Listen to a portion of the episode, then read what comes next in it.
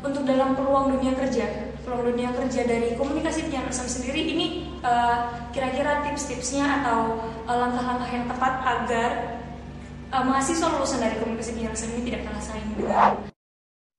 dengan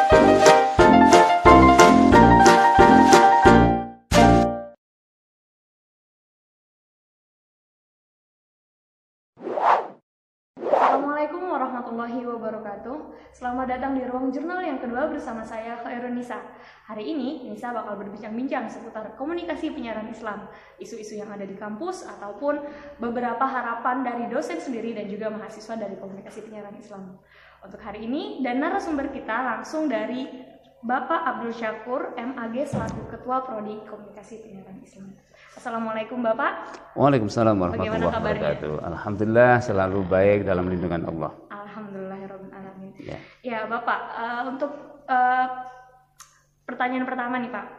Oke. Okay. Uh, Bapak sendiri kan sebelumnya uh, lebih banyak berkecimpung di jurusan bimbingan komunikasi bimbingan konseling Islam. Nah, ya. bagaimana adaptasi Bapak menjadi kaprodi komunikasi penyiaran Islam sendiri? Baik, mengenai adaptasi saya, saya kira tidak perlu waktu lama ya. Ya. Karena sebetulnya saya juga mengajar di berbagai prodi ya sebelumnya. Hmm. Karena mata kuliah yang saya ambil itu mata kuliah yang pembentukan kepribadian, yaitu akhlak tasawuf. Ya. Hmm. Saya kira mata kuliah akhlak tasawuf ini menjadi mata kuliah dasar kefakultasan ya kalau tidak juga menjadi mata kuliah universitas hmm. yang menjadi dasar keislaman dalam kerangka membentuk kepribadian muslim kalau di PKI kan diperdalam dengan mata kuliah saya yaitu patologi muslim yaitu mengkaji mengenai penyakit-penyakit kepribadian atau spiritual muslim untuk dikonseling kan gitu ya? Saya pun juga menyampaikan mata kuliah akhlak tasawuf di Ilkom ya. Di Ilkom ya. saya sampai sekarang juga juga di KPI sama mata kuliah akhlak dan tasawuf. Yang tujuan pokok dari mata kuliah itu adalah bagaimana e, membangun mentalitas atau kepribadian seorang dai tentunya. Seorang muslim yang menjadi dai yang saleh kepribadiannya dan mampu menjadi teladan bagi umatnya. Kalau dalam konteks eh, KPI, saya kira KPI ini suatu prodi yang menyediakan diri dalam bentuk proses pendidikan, pengajaran ya, maupun penelitian dan pengabdian pada masyarakat terkait dengan kepenyiaran Islam. Ada komunikasi ke penyiaran Islam atau kita singkat dengan prodi komunikasi dan penyiaran Islam KPI kan. Hmm. Oleh karena itu saya tidak asing lagi saya kira. Ya. Saya sudah lama melirik kurikulum yang dibangun ya. Hmm. Ketika kemarin akreditasi dengan akreditasi yang akan datang ya. Ya, ya mudah-mudahan nanti akreditasi eh, KPI yang akan datang bisa lebih uh, baik lagi ya, ya selamat dan mencapai yang kita cita-citakan. Jadi saya tidak kesulitan saya kira untuk melihat uh, core dari keilmuan komunikasi, yaitu uh, memberikan kompetensi dalam dunia penyiaran Islam, yang mana penyiaran Islam ini istilah yang lebih konvensionalnya bahkan istilah Qurani juga yaitu tabligh ya hmm. menyampaikan Islam menyampaikan Islam tidak sembarang orang mampu ya. Iya. Karena dibutuhkan eh, teori-teori bagaimana menyampaikan dengan baik, bagaimana menyampaikan dengan tepat ya. Ada ilmu yang di bidang itu, ilmu retorika Pak Abdullah Satar, Pak Andis juga itu juga ilmu public speaking ya. Bagaimana berbicara di depan publik tidak merasa gentar, tidak merasa apa namanya itu uh, tidak siap atau keder keder bahasa apa ini Jawa ya yang di Indonesia nggak fresh menyampaikan Islam sehingga pesan-pesan yang disampaikan bisa tepat dan bisa menyentuh uh, mad'u atau audien. Eh, kemudian komunikasinya adalah bagaimana penyiaran Islam ini dibekali dengan ilmu komunikasi, di mana ilmu komunikasi sudah menjadi disiplin ilmu sendiri. Sehingga ada fakultas ekonomi, eh apa namanya? Mohon maaf, fakultas komunikasi. Ya. Nah, kita komunikasi penyiaran Islam. Komunikasi dalam kerangka bagaimana bisa mendukung ke penyiaran Islam lebih baik lagi. Ya. Terutama yang kita usung di KPI kita nanti mengusung pesan-pesan atau nilai-nilai Islam wasatiyah, Islam moderat, Islam yang sudah tertanam dan mengakar, sudah living di dalam budaya bangsa kita ya. Yang suka damai, suka sejuk beragama ya, menjadikan orang lain yang bisa bersaudara dengan kita walaupun beda agama, bisa satu saudara dalam sebuah kerangka kebangsaan. Ini yang kita cita-citakan ya. Jadi KPI di situ saya kira. Saya tahu apa yang menjadi visi dan misi ya ini bisa dilihat ya visi dan misi KPI. Saya kira ini terus terang. Saya juga sebetulnya pertama kaget ya. saya sudah lama di secara formal di umbis saya di PKI. Tapi ketika saya di mana pun harus membantu ya saya dengan nawa itu bismillah mudah-mudahan bisa lah ya. Asal dibantu oleh adik-adik ya saudara-saudara sekalian saya kira bisa bersama kita bisa. Kan itu jargonnya Pak Presiden kemarin ya. Di Insya Allah saya tidak mengandung kesulitan asal dibantu ya asal dibantu oleh apa semua stakeholder hmm. untuk KPI ini mahasiswa ya. ya dan selama satu semester ini saya sudah berjalan ya ini saya juga sedang adjustment tentunya, hmm. penyesuaian diri ya. Dan saya merasa surprise ya dengan kegiatan adik-adik mahasiswa ini banyak aktivitasnya ya. ya.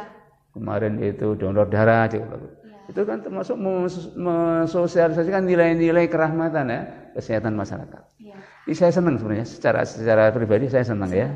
Kurang lebih uh, sesuai dengan uh, pem, apa pemahaman Bapak sebelumnya ya tentang komunikasi penyakit Islam sendiri. Iya, saya kira. Sebenarnya juga di sekitar lingkup komunikasi. Iya, cuma bagaimanapun saya juga harus belajar juga hmm. bagaimana perkembangan ilmu komunikasi ya, hmm. yang itu sendiri secara secara mendalam sudah ada ilmu komunikasi ya, prodi iya. ilmu komunikasi. Tapi ilmu itu kan bisa sifatnya applied. Komunikasi sebagai ilmu yang kita kembangkan dan kita sebarkan dalam sebuah mata kuliah-mata kuliah di KPI ini saya kira harus lebih langsung diarahkan kepada applied ya.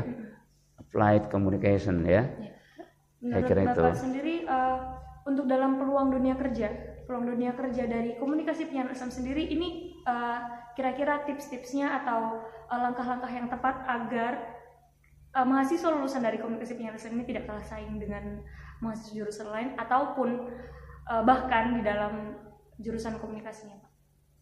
Bagaimana Iya, saya kira masalah peluang kerja atau istilah saya itu dunia pengabdian kita pada masyarakat hmm? Yang sekaligus kita mengabdi ya kita hidup di situ ya kita mendapatkan suatu kehidupan dan penghidupan di dunia di mana kita berguna atau kita bermanfaat dengan masyarakat.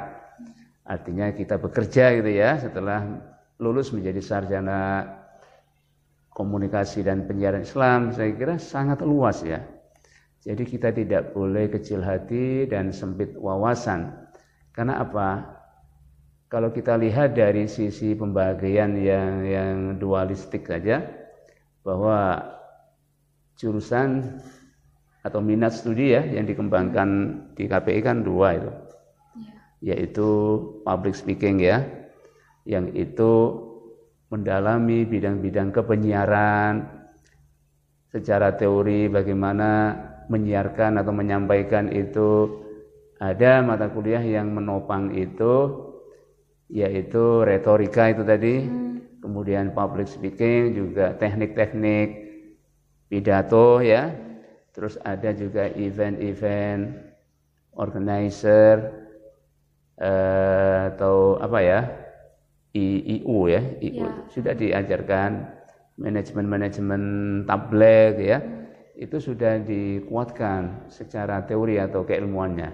Kalau kita di dalam apa namanya dunia kreatif ya, Ya. kita bisa menjadi produser video dakwah, audio dak- dakwah, atau penulis-penulis program dakwah sebagai script writer ya, penulis apa namanya Naskah. script itu naskah dakwah untuk kemudian dijadikan film dakwah dan sebagainya saya kira Peluangnya banyak besar, banyak Pak, ya? peluang ya. Mhm. Itu secara kreativitas individual kita. Hmm. Secara formal memang kemarin saya eh, apa namanya Fakultas Dakwah khususnya dalam kerangka KPI juga menghadirkan Sekjen Bimas Islam yaitu Pak Tarmidi Tohar. Nah, bukan Tohir tapi Tohar ya.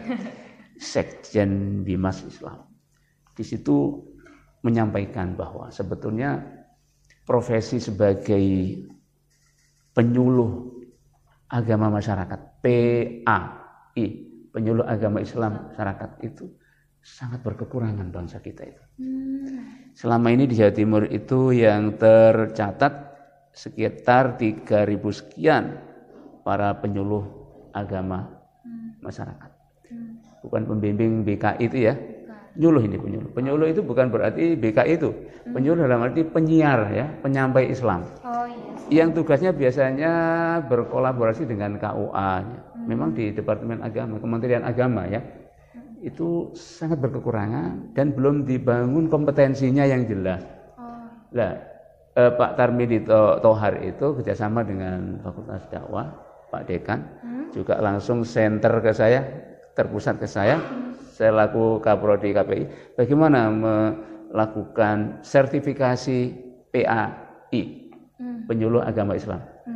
Jadi Ya nanti akan merancang bagaimana cara workshopnya dan seterusnya untuk memberikan sertifikat kepada penyuluh agama masyarakat itu.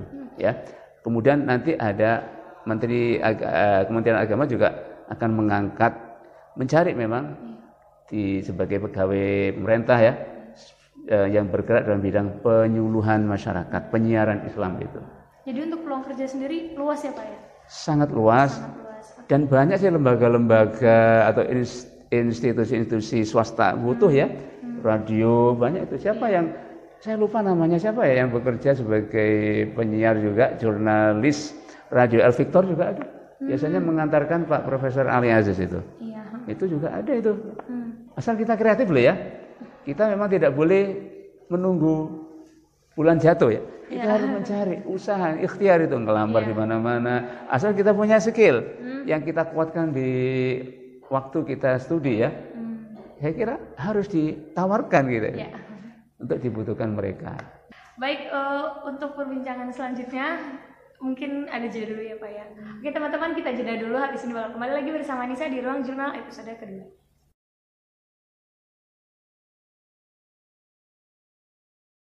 Eh, nama dari prodi komunikasi penyiaran Islam ini akan berubah menjadi penyiaran Islam saja.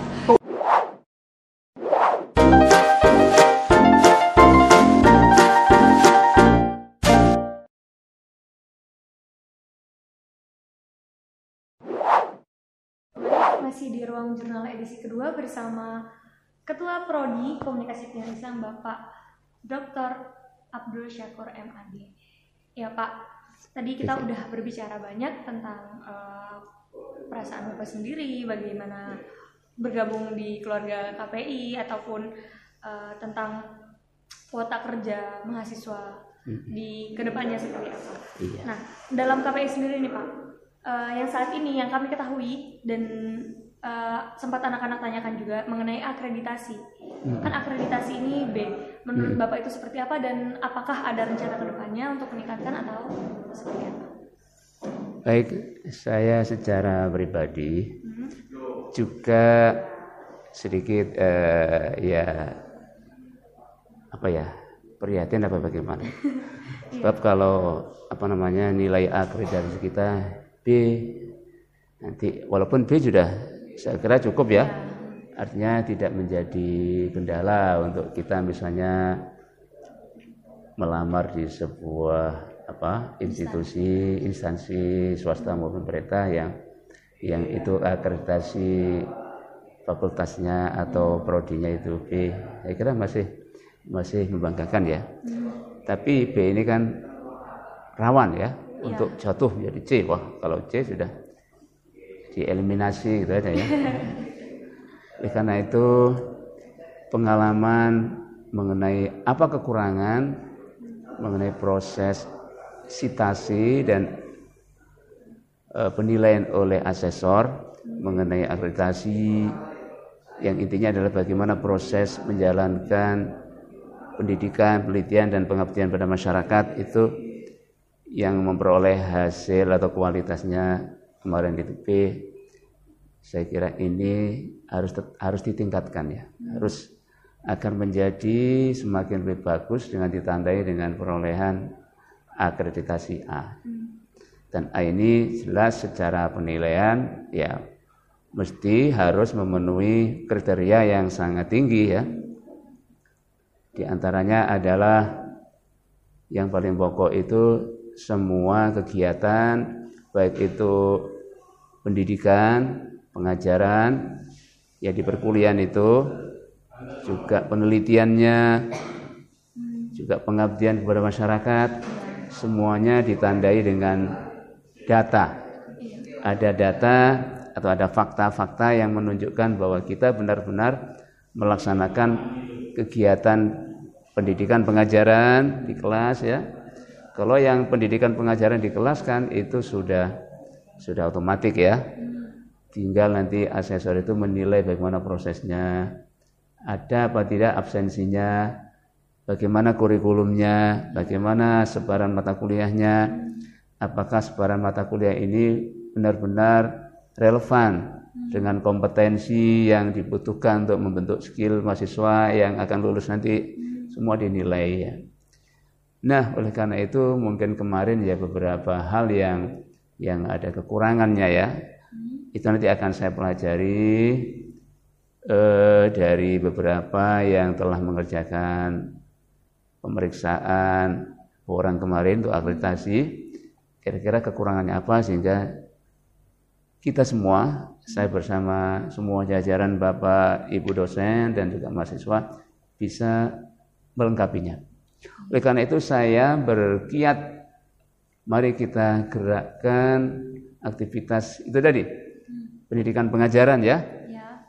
juga penelitian, hmm. juga uh, pengabdian buat masyarakat. Salah satu langkah-langkahnya hmm. buat harus berdasar ya?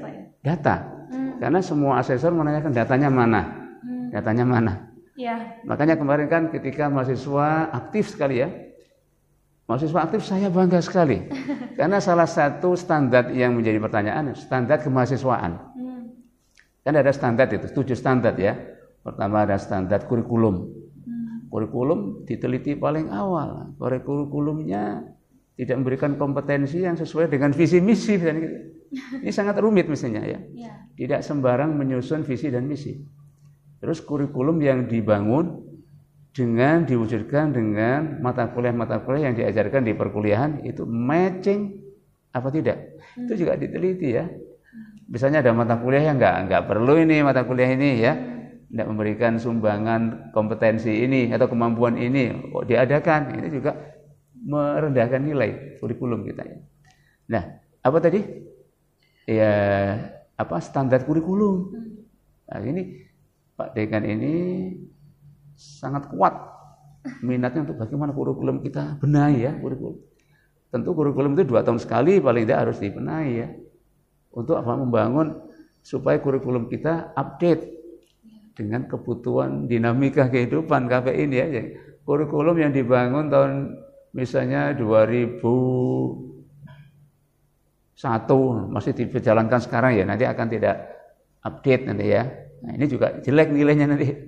Makanya ditanya berapa kali pengembangan kurikulum sekian tempo ya, sekian waktu ini. Nah, ini ini memang ingin apa namanya mengembangkan kurikulum itu. Standar kurikulum, standar tata pamong, ya pengelolaan bagaimana, bagaimana standar kemahasiswaan. Nah, itu tadi.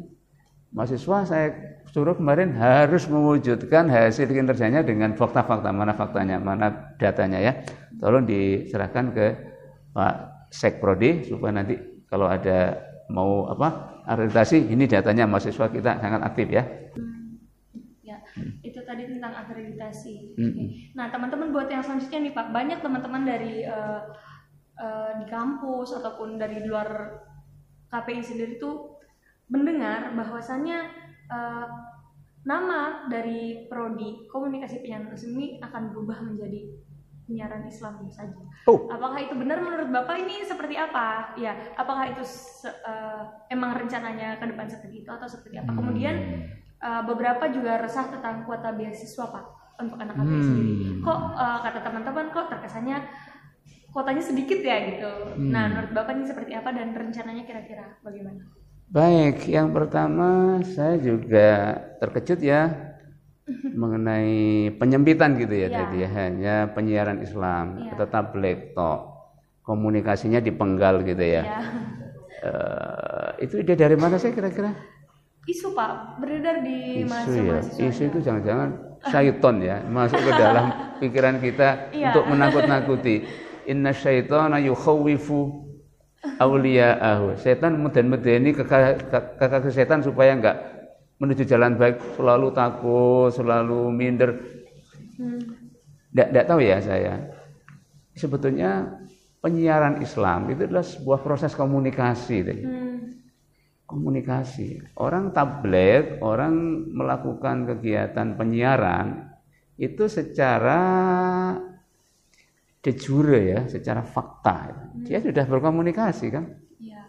Benar Pak, ini tadi berarti dari penyiaran ini nggak benar ya? Pak? Oh ya. tidak benar. Saya kira walaupun seandainya nanti dikurangi ya oke okay ya. lah supaya tidak memakan, tidak mengarsir banyak wilayahnya ilmu komunikasi. Hmm. Kalau ilmu komunikasi mendalami dunia komunikasi yang ya. bersaing dengan fakultas komunikasi itu sendiri, hmm. itu komunikasi ya.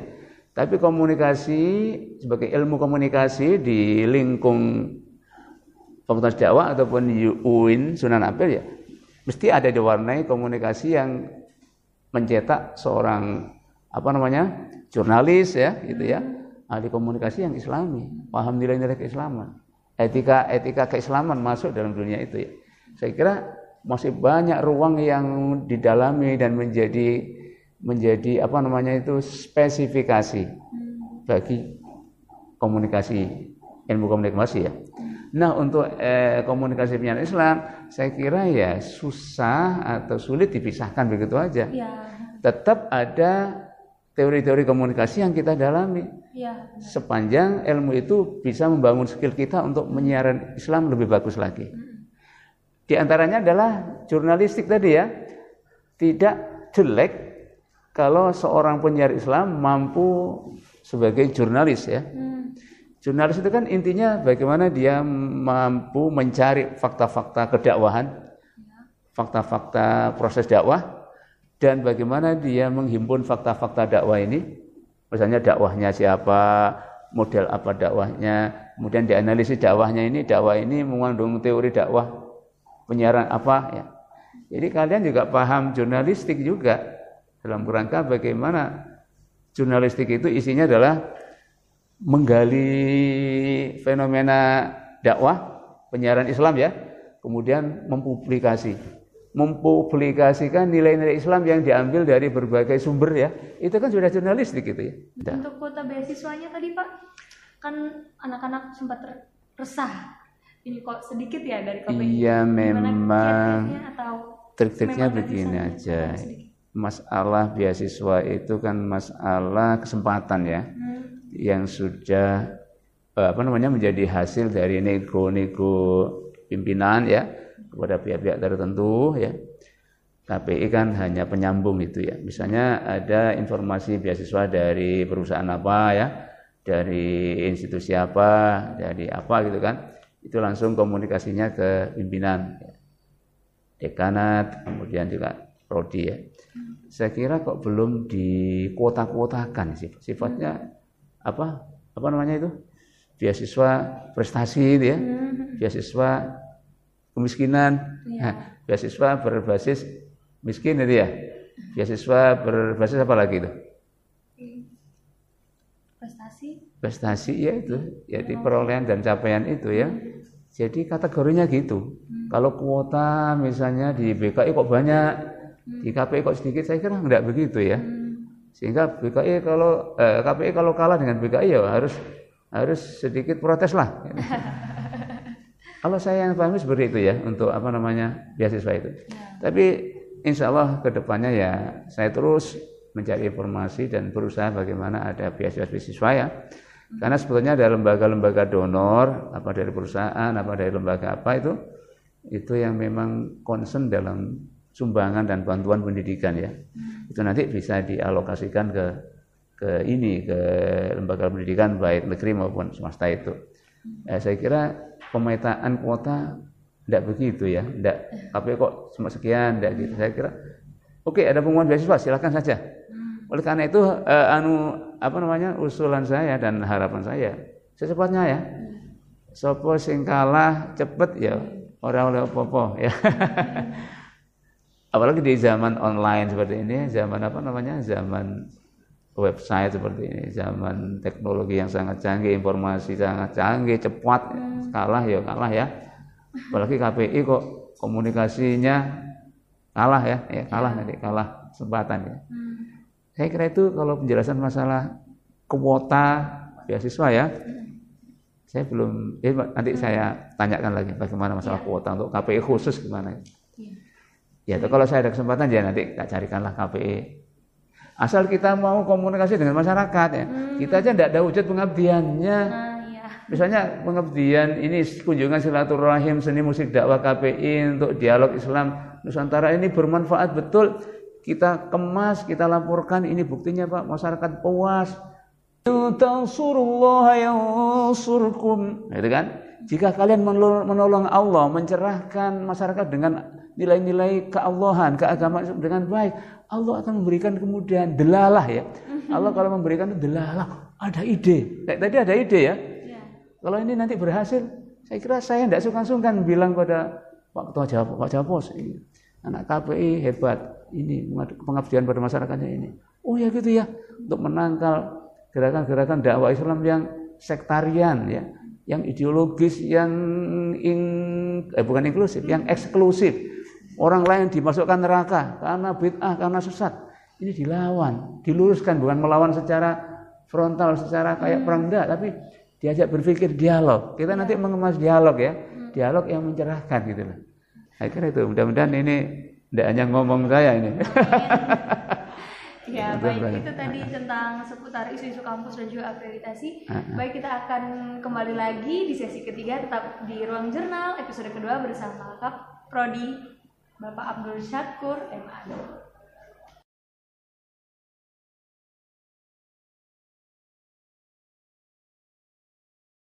Dibandingkan dengan yang kemarin-kemarin dan yang sekarang Bapak sedang milih ini, itu apakah ada sebuah peningkatan atau uh, buat ke depannya ada rencana pengkhususan untuk pengambilan judul?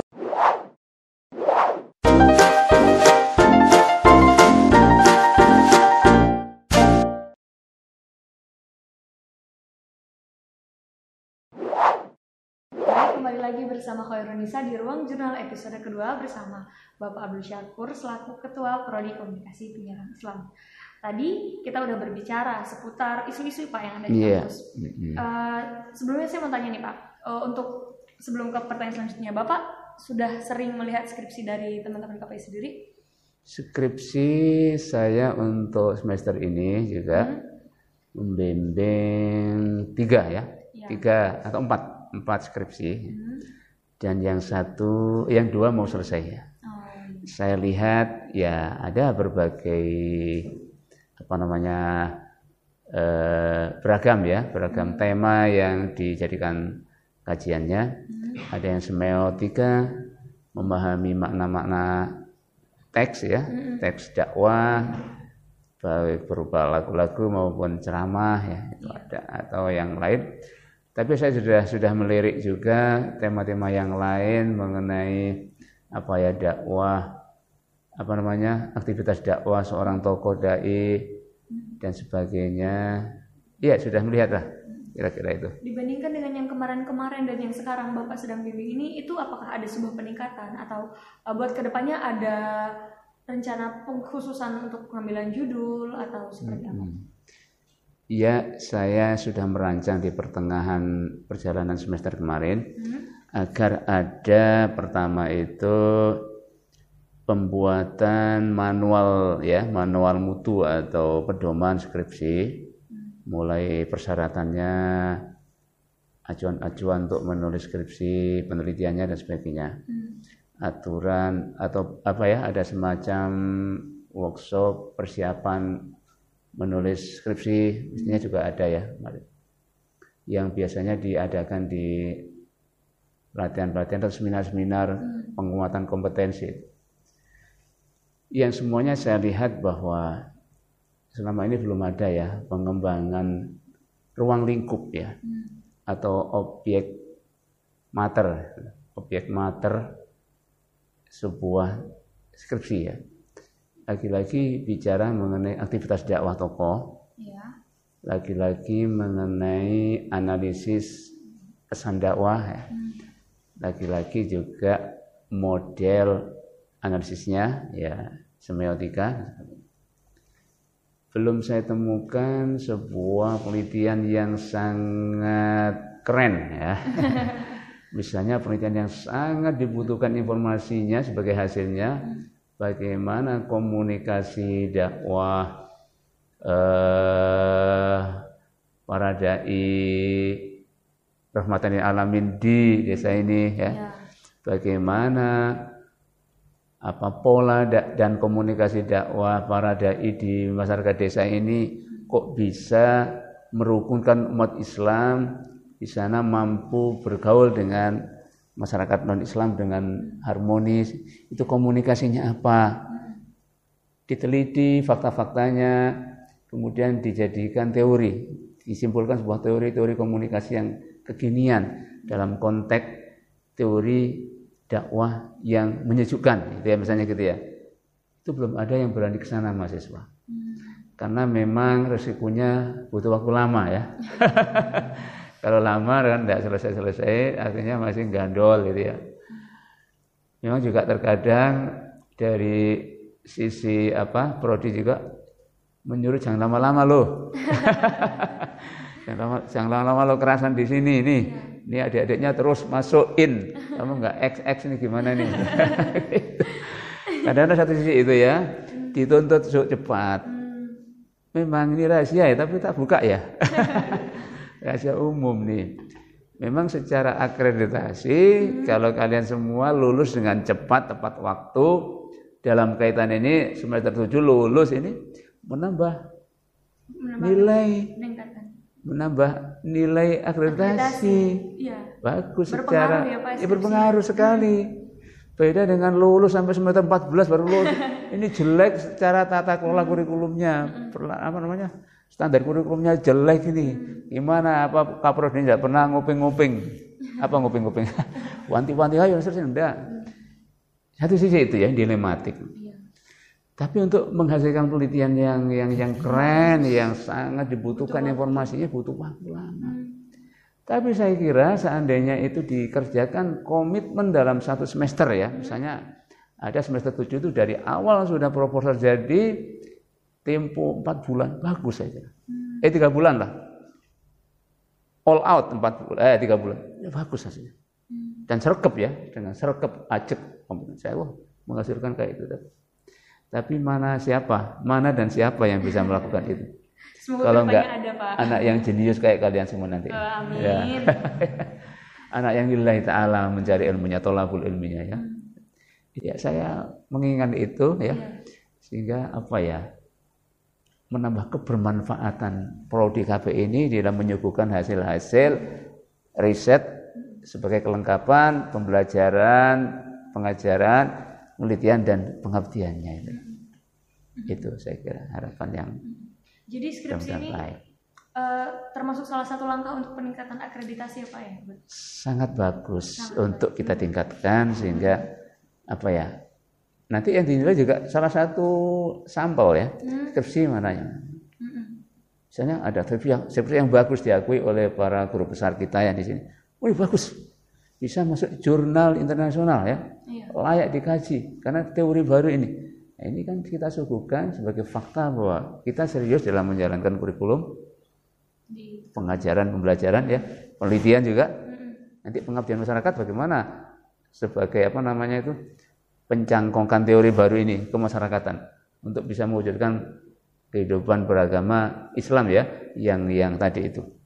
Nah, itu yang yang mestinya harus kita wujudkan ya. Iya, gitu. Terakhir Pak, hmm. eh, harapan Bapak untuk teman-teman dari mahasiswa KPI sendiri atau mungkin teman-teman yang masih menggarap skripsi senior-senior yang masih memanjangkan semester mereka ini yeah. bagaimana Pak? Harapan saya pertama untuk yang semester 7 ya cepatlah jangan lama-lama tapi skripsinya harus bagus iya tentu harus bagus serius ya. ya kerjakan ya baik dalam tempo satu bulan eh setengah bulan ini bisa diselesaikan dengan bagus ya kan masih bisa dibenahi data bisa dilengkapi Uh, untuk semester 3 ini saya menaruh tumpuan harapan saya ke kalian ya. Mudah-mudahan Allah memberikan kekuatan yang dahsyat pada kita. Istiqomah dan kesabaran untuk menuntut ilmu karena ini pengorbanan dari kita. Kita ini sebagai sebagai penghidup ilmu-ilmu agama, sebagai muhyi ulumiddin. Kalau Al-Ghazali menyusun kitab dalam kerangka Ihya Ulumiddin, menghidupkan ilmu-ilmu agama ini. Siapa yang menghidupkan ilmu-ilmu agama? Kalau enggak orang yang beriman, ya. Tulus mereka enggak mengharapkan apa-apa. Tidak mengharapkan materi yang banyak. Korban waktu dari rumah ke sini gak nyambut gawe ya. Terutama ada nyambut gawe ada yang bekerja tidak apa-apa. Kita doakan semua.